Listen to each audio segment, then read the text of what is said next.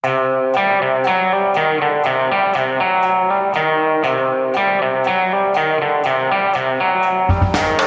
visste jeg at alle disse dagene som kom og gikk, det var selve uke sju. Før vi vet ordet av det, så er det fredag igjen, og velkommen tilbake, Thomas Gjertsen. Tusen takk, Anders.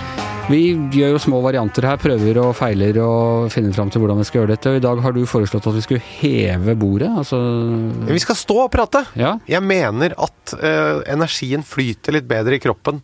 Blir litt mer på. Ja. Tenker rett og slett bedre. ja. Husker du Petter Smarts tenkehette? Den husker jeg veldig godt. Den lurte jeg alltid på hvordan funka egentlig. Var det noen kråker som gikk rundt oppå hodet hans og tenkte? Ja, og jeg kan ikke si hvordan den funka, men jeg kan si at du skal få kjenne på i dag. Ja. Kanskje du tenker litt bedre når du, du står. Er det sånn at vi risikerer at neste uke så kommer du og sier at ja, vi, vi prater bedre når man spiser? Det er under måltider de gode samtalene kommer, og så må vi sitte og spise mens vi prater? Nei, men i en perfekt verden så ville jeg gått. Ja. ja. ja nei, det ville for så vidt jeg også. Det har jeg jo innrømmet her, at jeg er veldig glad i å gå. Har ikke Nietzsche sagt det? Ikke skjenke tiltro til den tanke som ikke er født under åpen himmel eller noe sånt. Og, eh, og eh, i fri bevegelse hvor også musklene feirer en fest. Noe sånt. Ja.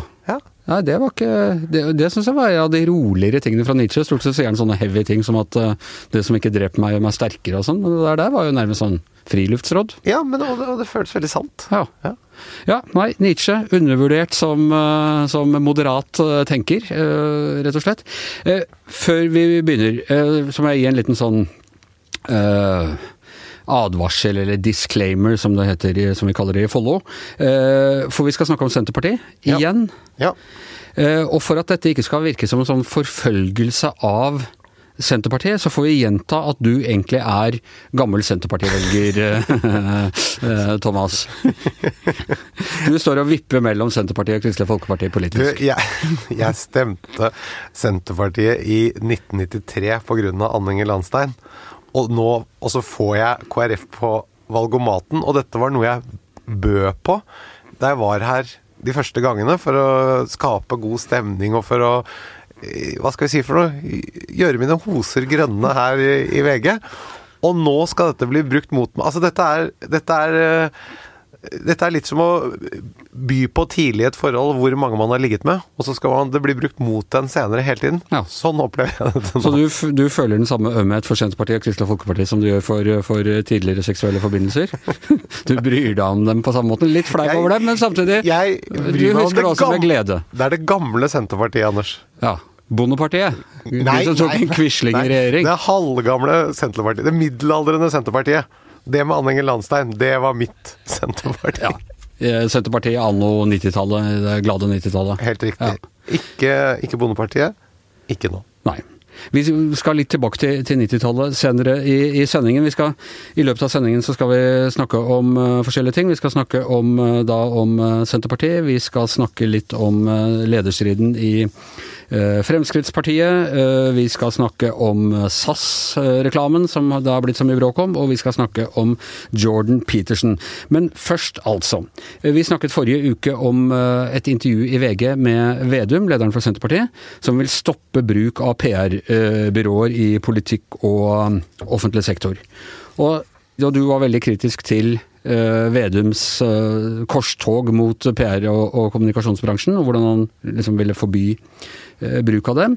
Og bare et par dager etter at vi hadde stått her og pratet om det, så, så rykker han Arild Hermstad, eh, talsperson i MDG, ut mot disse opplysningskontorene, for vi snakket om det også, om opplysningskontoret for kjøtt og flesk, holdt jeg på å si, for kjøtt og egg, som er kamuflert under en frontorganisasjon som kaller seg for Matprat. De gode kommunikatørene har styrt unna ordet flesk. Ja, Eh, ikke sant. Hadde Senterpartiet selv fått øh, øh, lage navnet på det kontoret, så hadde det kanskje hett Opplysningskontoret for kjøtt og flesk. Men det er PR-byrået sagt. Opplysningskontoret for kjøtt. Egg har en mye mer positiv ring hos folk enn flesk, det har de testa ut og sånne ting. og Derfor blir det blir det, det. Men, men oppgaven er det samme, få folk til å spise, spise mer av, av kjøttberget. Og Hermstad han har altså gått ut mot disse opplysningskontorene, at de skal finansieres over offentlige midler. Syns det er herlig å få testet pressens makt på den måten? Det kom jo også frem at Senterpartiet selv bruker PR-byråer rundt om i kommunene. Masse! Eh, Dette syns jeg var litt, litt overraskende at det er så drøyt. Og de har brukt de beste. De har brukt uh, First House, og, og, de har brukt uh, Kruse Larsen. Og dette er altså byråer som er bygget opp delvis på personer som har vært helt inne i varmen i regjering. Eh, Sigbjørn Aanes, som, som, har vært som var statssekretær og, og spinndoktor for, for Erna, og Jan Erik Larsen, som jobbet for, for Jens Stoltenberg, og som nå driver PR-byråer, og nå altså har hjulpet Senterpartiet å få fram sine budskap i kommunen. Men altså, hvis man syns at PR-byråer er umoralsk og udemokratisk, og at det bør forbys i politikken, altså hvordan kan man da forsvare at man ja, vi, vi, Bruker det selv? Hvis jeg skal forsvare Senterpartiet her, så er det vel De snakker vel kanskje om en perfekt verden, så skal ikke dette lenger skje. Men så lenge vi er i en verden hvor andre bruker eh, PR-byråer, så er de også nødt til å gjøre det for å kunne ja, møte den typen uh, informasjon og argumentasjon som uh, de andre holder på med. Nettopp. Så vi er prinsipielt veldig mot prostitusjon, men nå ser vi at det er likevel så mange som driver med det, så vi leier også hore lite grann nå. Fordi, Fordi alle de andre gjør det? Nå, altså, fortsatt for å forsvare Vedum litt, siden du, hans partifelle, ikke vil, ikke vil tale hans sak, så, så, tror jeg at uh, han, da han ble konfrontert med dette, at Senterpartiet også brukte PR-byråer, så, så uh, sa han jo det at uh, det var feil, og, og vi har vel oppfordret dem til å slutte med det, og at man skulle bruke pengene på flere sykepleiere og lærere, og ikke på PR-konsulenter. Det han sa sist, var at hvis de andre partiene hadde med PR-rådgivere å gjøre, så skulle han ha massive politiske gjennomslag. Det var reglene han, slik han definerte dem. Er det nå da slik at han nå vil gi eh, de andre partiene i disse kommunene massive politiske gjennomslag, ettersom nå Senterpartiet har eh, brukt PR-byråer? Så dypt ned i materien eh, tror jeg ikke han gikk. Jeg tror han bare at det var akkurat det, det sitatet. Å bruke pengene på flere sykepleiere og lærere og eh, ikke PR-byråer PR-konsulenter. Altså, Hva slags andre folk er det som har ett sett med regler for seg selv og ett sett for andre? Ja, hvis jeg skal, hvis, Siden jeg regner det som et ledende spørsmål, så regner jeg med at du mener at det er uh, journalister og kommentatorer i pressen? det var ikke det jeg tenkte på nå. Nå tenkte jeg faktisk på diktatorer og psykopater, men uh, altså sikkert journalister også. Nei, ja, ok. Jeg tror vi, vi, beveger oss videre bort fra, fra, norsk politikk. Men du Anders, mens vi er inne på norsk politikk, uh, så er det en ting jeg lurer på om jeg kan få lov til å ta opp med deg. Ja, kom igjen. Altså, like etter at Frp gikk ut av regjering, så var det en sak på forsiden av vg.no. Og der var det et bilde av Siv og Sylvi Listhaug. Og så sto det 'Så mange vil ha Listhaug som leder'. Og så tenkte jeg Oi, nå er det jo nå er det krise på gang i Frp. Nå, nå blir det lederskifte. Og så klikker jeg på saken, kommer inn, og så ser jeg at eh, Nei, her er det Hovedandelen vil ha Siv Jensen som leder, og det er ikke så veldig mange som vil ha Sylvi Listhaug. Og da tenkte jeg hva var den saken? Siv Jensen er leder, og det er det flest som vil. Eh, det er ikke helt riktig. Det var rundt halvparten, eller litt over halvparten, unnskyld, som ville ha. Unnskyld, ja. unnskyld. unnskyld. Men, men, men, det var altså ikke noe flytt i posisjonen. Det var ikke noe grunn til å løfte opp den saken. Så det det var, var kom her, skal dere se.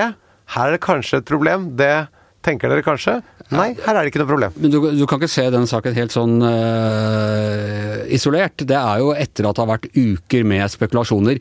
Altså Siv Jensens store politiske prosjekt var å få Frp inn i regjering. Hun har vært uh, finansminister, kjørt en ansvarlig stil, bla, bla. Opposisjonen, og uh, særlig Oslo, Fremskrittspartiet og en del sånne elementer, har ønsket å ta partiet ut av regjeringen for å kunne drive mer opposisjonspolitikk. Det har Sylvi Listhaug vært talskvinnen for. Hun sa det var å komme ut som, som å komme ut av fengsel. og nå er er de der ute, og da er det naturlig at Og da har det vært spekulasjoner. Er det her en lederstrid mellom de to? Hvem er det som har spekulert i det?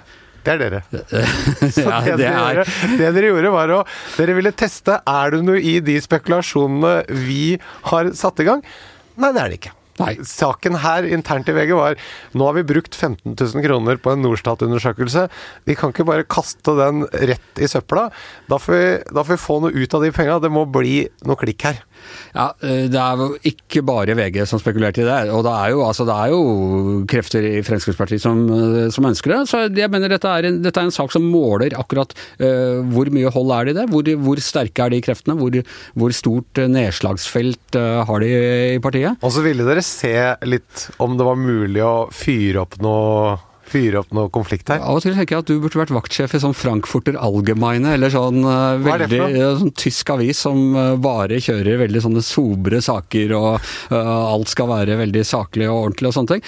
Eh, ja, eh, lager vi av og til overskriftene på en måte som skal få folk til og, og frontinga på en måte som skal få folk til å få lyst til å lese saken? Ja. Eh, Skyldig etter tiltale. Eh, Var denne saken misvisende eller uinteressant? Nei, det syns ikke jeg.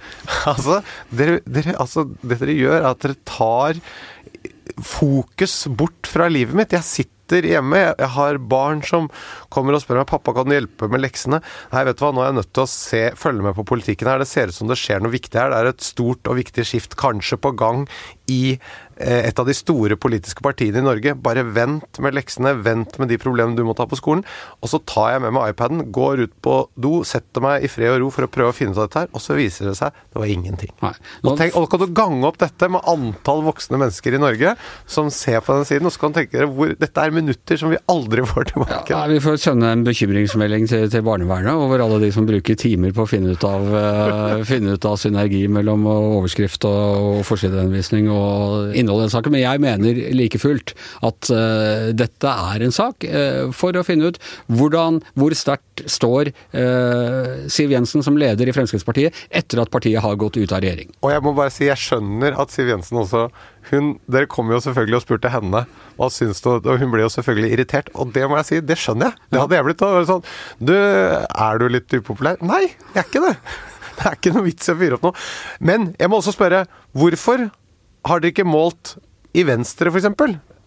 Er Abid Raja mer populær enn Trine Skei Grande? Vi målte i november. Ja, Og hva ble svaret? Ja, da var svaret eh, Det må jeg ta på hukommelsen her, men jeg tror at Abid Raja og hadde noe over 20 eh, Altså de som ønsket han som leder. Og så noe over 20% på eh, Sveinung Rotevatn.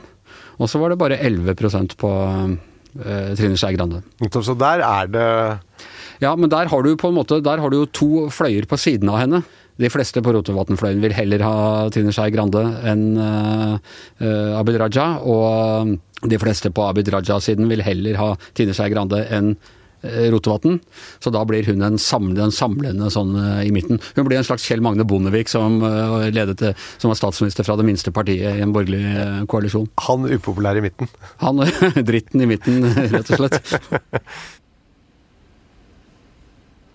En av de sakene som har eh, preget uka og satt flest sinner i, sinn i kok, det er eh, en ny reklame for SAS, Scandinavian eh, Airline System. Eh, Hør på denne her. What is truly Scandinavian? Grattis! Absolutely nothing. Ja. Absolutt ingenting er eh, skandinavisk, eh, egentlig. Det er eh, Skandinavia er bare en, et eh, kunstprosjekt og en illusjon. Men altså Jeg bare Uavhengig av om man mener det eller ikke. Jeg syns det er litt rart sånn markedsføringsmessig når du heter Scandinavian Airlines og har brukt helt siden krigen fra 46, da dette selskapet ble startet, så man profilerer seg på det navnet.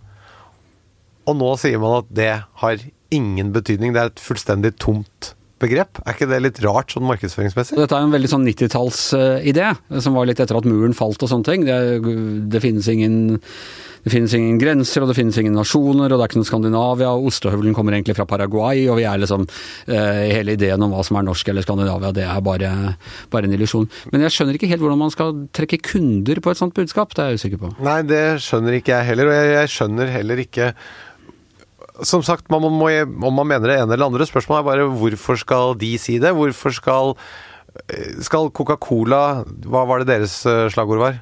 Uh, ja, Can't beat the feeling. Can't beat the feeling, ja. Og så skulle Coca-Cola plutselig lage en reklamekampanje hvor de forteller at eh, denne følelsen som The, the Coca-Cola feeling, den, det, den har absolutt ikke noe med Coca-Cola å gjøre i utgangspunktet. Dette er en følelse som vi mennesker har i oss, og som vi i Coca-Cola har prøvd å knytte eh, til vårt, vår merkevare. Men sannheten er at det er en følelse som du har i deg. Du kan få den andre steder, hvor som helst, når som helst. Er det noe poeng? Det høres ikke ut som en colareklame fra, fra sånn jeg eh, har vokst opp med dem. Men eh, dette har skapt veldig eh, sterke reaksjoner. Veldig mye, mye sinne og direkte kampanjer og boikott og jeg vet ikke hva. Blir du krenket av den? Nei, men som sagt, jeg syns det er rart markedsføringsmessig. Altså, man skal jo på en måte både snakke til hodene og hjertene i markedsføring. Og eh, jeg tror jo her at man åpenbart har støtt noen bort. Det, eh, det burde man kunne forutsett. Jeg syns også det er litt sånn rart det å å angripe den stedsegenheten. Er, altså, I EU så har man jo til og med merkevarebeskyttet opphavssteder. Altså det å bruke på andre kategorier, da, hvis man tenker seg mat eller vin, så har jo det å kunne eh, markedsføre produktene sine, f.eks. ost fra ulike steder i Frankrike, eller du har champagne f.eks. Det er ikke lov å selge noe som heter champagne hvis ikke det er laget i champagne, fordi det knytter seg til opprinnelsesstedet. Og det er merkevarebeskyttet i EU. Par, eh, Parmaskinke, f.eks. Svolværpostei? jo, men alle disse tingene. Eh, og da syns jeg det er litt rart å bare fullstendig gå imot det. Og om det så bare er en fiks idé, som også EU baserer dette på, ja vel. Vi har et system hvor i hvert fall det er lagt til grunn. Men er, det, er, dette nok til at du ville begynne å fly Norwegian eller Ryanair i, i stedet? Altså, jeg er personlig veldig glad i SAS, ja, så men de gjør det jo ikke lett for meg når jeg kløner. Men samtidig så tenker jeg det må være lov å gjøre feil en gang. Eh, men akkurat når det kommer til flyselskap, så vil jeg heller fokusere på hvilket verdigrunnlag de legger til grunn når de skal håndtere bagasjen min eller håndbagasjen. Enn deres mer abstrakte forhold til nasjon og Nettopp, kultur? Jeg er mer opptatt av liksom Er disse her sånn som sier én ting når jeg trykker på bestill-knappen, og noe helt annet når jeg kommer til gaten og skal gå om bord i flyet, og de suger meg for ytterligere penger og sånn det, det, er viktigere spørsmål for meg når jeg skal velge transportselskap. Ja, du, øh, Det er jo også interessant dette med at de hevder seg utsatt for et koordinert angrep. Men hva er det for noe? Ja, Det er interessant. For Én ting er at folk øh, reagerer, men, men øh, Aftonbladet bl.a. Har, har ettergått litt veldig mange av de reaksjonene. Sett på hvordan de har spredd seg via tagger og i det hele tatt, og funnet ut at noe av dette kommer etter at Sputnik, som er en sånn russisk medie Eh, plattform som brukes mye til russisk propaganda. De har kjørt knallhardt på dette her. og, og øh, SAS selv, eller i Aftonbladet, mener de at de har vært med på å generere veldig mange av disse sinte reaksjonene. Så, så, så man tror at det er russerne som står bak? I hvert fall den artikkelen jeg leste i Aftenbladet, så tror man at russerne har vært med på Og dette er jo sånn uh, vi vet at russerne opererer. Uh, det var etterretning, Norsk etterretningstjeneste la fram uh, sin trusselrapport denne uka, Fokus 2020, og der skriver de akkurat om det. Eh, E-sjefen snakket om russiske desinformasjonskampanjer som tar sikte på å destabilisere Norge. Og det er ikke bare Altså, man er misfornøyd med, med norsk arktispolitikk og sånn, og derfor ønsker man å uh, så splid og innad i Norge for å kunne skape grobunn for misnøye. Og da er det dette en typisk sånn ting. Det var som vi så under det amerikanske øh, valget i 2016 òg. Så det de gjør, er at de, de ser eh, et øh, felt eller et område eller en gruppe mennesker, og så ser de at her er det kanskje noe kime til konflikt, og så går de og prøver å hisse opp det? Ja. Det er, øh, det er, sånn, det er sånn, etterretningen mener at uh, russerne opererer. Ja, Om, vi snakket og, jo om uh, om Listhaug og Siv Jensen her, og den operasjonen VG gjorde med at man her lukter at det kanskje er noe konflikt inni partiet der, og så går man og heller litt bensin på da, da, da, Jeg tror at uh, russisk etterretning vil da nikke anerkjennende til deres strategier og arbeidsmetoder. Så i din verden så er VG er russisk etterretning, og Fremskrittspartiet er Norge. Nei, dette har jeg ikke sagt. Jeg bare helt nøktern prøver bare å analysere strategier og arbeidsmetoder, og her tror jeg dere har, her tror jeg dere har fellesskap med noen. Jeg, jeg, vil være litt forsiktig med det der å slå fast for mye at, at russerne står, står, bak her. Men altså, du kan godt si at altså, en splitt og hersk-teknikk Eh, vi har snakket om dette i, i podkasten før, hvor du mener at vi nærmest bare flyr sånn fram og tilbake mellom politikerne og prøver å jazze dem opp på hverandre. Nå sa han det, nå sa han det. Eh, og det er klart at i et eh, samfunn uten uten presse så hadde vi ikke hatt uh, Den splitte herske Ja, hadde ikke hatt så mye den type konflikter. Vi liker å se på det som fri meningsbryting, men, uh, men i det hele tatt. Men dette er altså noe annet når du uh, blander deg inn i en annen stat, og sånn har jo russerne for så vidt holdt på, og amerikanerne, i alle år. De understøtter grupper som er opposisjonelle til myndighetene. Russerne støtta sånne fredsbevegelser og antiatom våpenbevegelser og sånn i Vesten. Og amerikanerne støtta sånn misjon bak jernteppet og andre ting som eh, kunne destabilisere det gamle Sovjetunionen. Så dette er bare en uh, litt mer sånn sofistikert internettid å, å gjøre sånne ting på. Men er ikke da Norge egentlig i kraft av å være et relativt uh hva skal vi si for noe, et, et, samfunn med relativt stor grad av likhet og relativt liten grad av misfornøyde grupperinger, så er vi vel sånn sett, gitt vår styringsmodell eh, og velstandsnivå, ganske godt beskyttet mot den type virksomhet, da. Jo, eh, vi er det, relativt. Men du ser altså et sted hvor det nå er en god del uenighet om akkurat direkte relatert til Russland, er jo i, eh, i Finnmark. Hvor eh, mange mennesker i Finnmark har et godt personlig forhold til russerne. De driver handel med russerne og, og i det hele tatt. Og, og for russerne er det selvfølgelig da fruktbart å prøve å trekke dem sympa deres sympati på sin side når det gjelder de mer sånne store geopolitiske spørsmålene. Alt fra, fra utplassering av, av, våpen til eh, fiskerisoner. Og ja, du ser på Svalbard nå, så har de uh, russerne vært ute og og er misfornøyd med hvordan Svalbardtraktaten praktiseres og, og sånn. Og så prøver de å få opinionen over på sin side. Mm. Men det var ganske langt fra, fra eh, SAS-reklamen.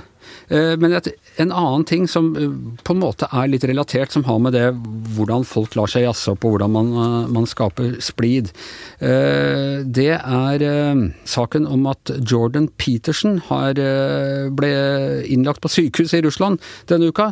Bare høre dette klippet først. What I've recommended to people is clean up your room. That's a good start.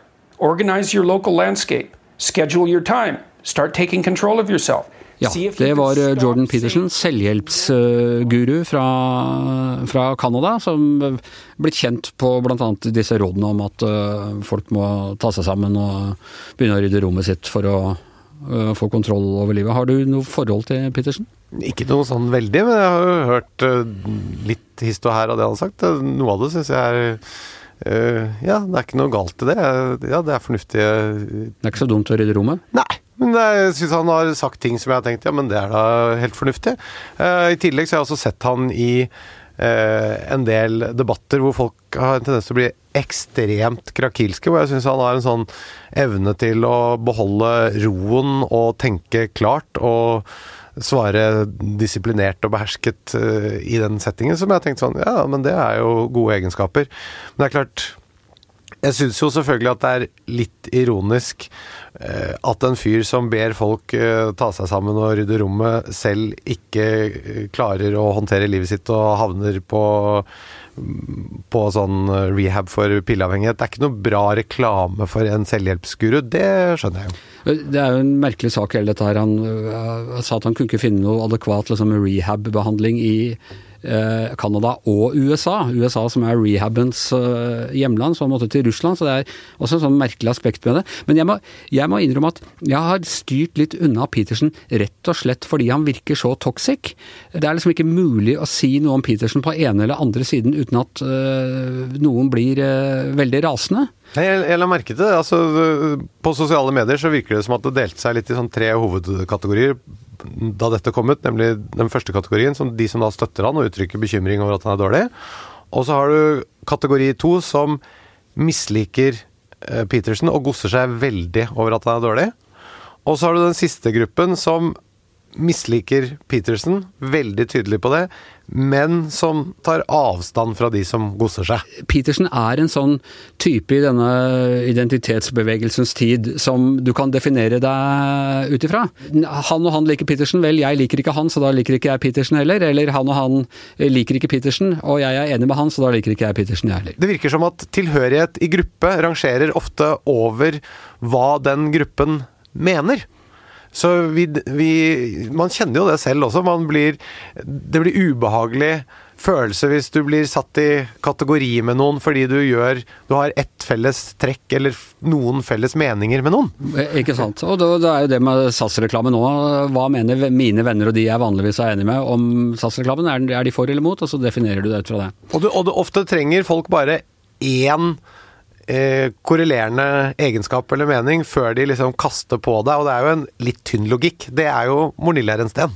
Det er det. Du utforsket uh, denne dynamikken litt mer i en uh, tidlig episode av TV-serien din Helt perfekt. Jeg skal høre et lite klipp her hvor du er blitt kjent med en fyr i svømme, svømmehallen. Dere har en fin tone, sånn som man av og til kan plutselig få med, med folk man egentlig ikke kjenner, og står i garderoben og avtaler at dere kanskje skal ta en kaffe en dag. Så oppdager du at det står Fremskrittspartiet eh, bakpå jakka hans, og her snakker du med kona di i serien Ine om dette. Jeg har jo prata med han mange ganger. Jeg har aldri fått mistanke. Nei.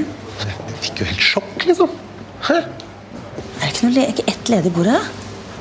Nå må jeg drive og unngå han i svømmehallen. De er jo mennesker, de òg. Jeg kan ikke drive og henge sammen sånn en. Ja, det var altså øh, ditt møte med, med folk øh, flest. Øh, Så viser det seg jo etter hvert at han sitter i plan- og bygningsetaten og kan hjelpe deg om å få bygget skur i hagen til golfkøllene dine, og da begynner du å se litt annerledes på det igjen.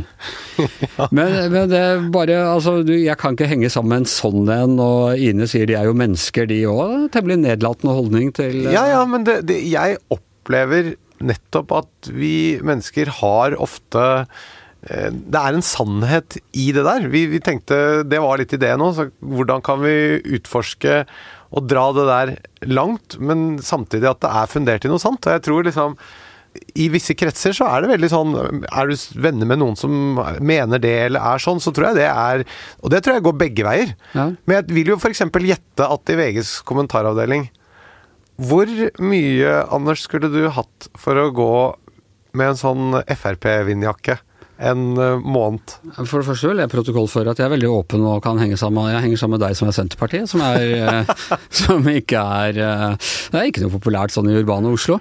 Men nei, gå med jakke med Fremskrittspartiet, det kunne jeg jo ikke gjort rett og slett pga. jobben min, for jeg skal ikke tilkjennegi mine politiske sympatier. Du har jo operert med en veldig tydelig SV-markør, nemlig at du har kjørt Berlingo. Ja, det har jeg. Så sånn sett så er det er det nærmeste Men partiet når jeg kjørte. BMW, hva var jeg da? Nei, da er du jo, er du over et Ja, jeg vil si det. Ja, Ikke Fremskrittspartiet. Hva kjører de i Fremskrittspartiet? Nei, er ikke det uh, Er ikke det litt uh, Toyota firehjulstrekker eller noe Ja, sånt? ikke det så Det tror jeg ikke er så dumt. Nei. Toyota firehjulstrekk. Og dere i Senterpartiet er traktor eller sånn jeep? Pickup, ja. Med grønne skilter. Ja. Og jeg må si det, Anders, dette tilbakevendende Senterpartiet-maset som jeg får, den tannpastaen den kommer aldri tilbake på tuben, det skjønner jeg. Og jeg skal være så ærlig at jeg også skal fortelle deg at jeg tror faktisk at den gangen da jeg stemte Senterpartiet, det var summen av hva som var budskapet. Det var Anne Enger Landsteins fremtoning og formidling av det budskapet, og hvor jeg var i livet. Tror aldri jeg har stemt mer med hjertet, Anders. Nei. Det er fantastisk. Jeg ble veldig rørt. Men på den tiden Senterpartiet skulle lage egne vaskemaskiner i Norge, og man trengte ikke noe land i det. Var det motsatt av SAS-reklamen-tiden for Som jeg sa, jeg stemte ikke med hodet. Nei. Men da tror jeg tiden vår er eh, ute for i dag. Eh, vi er ikke tilbake neste fredag, for da er det vinterferie. Eh, men om to uker så møtes vi igjen i eh, studio i dag. Thomas Gjertsen og Anders Giæver. Og bak spakene, mannen som passer på at vi ikke selger vår eh, identitet for en slikk og ingenting hver eneste uke, Magne Antonsen.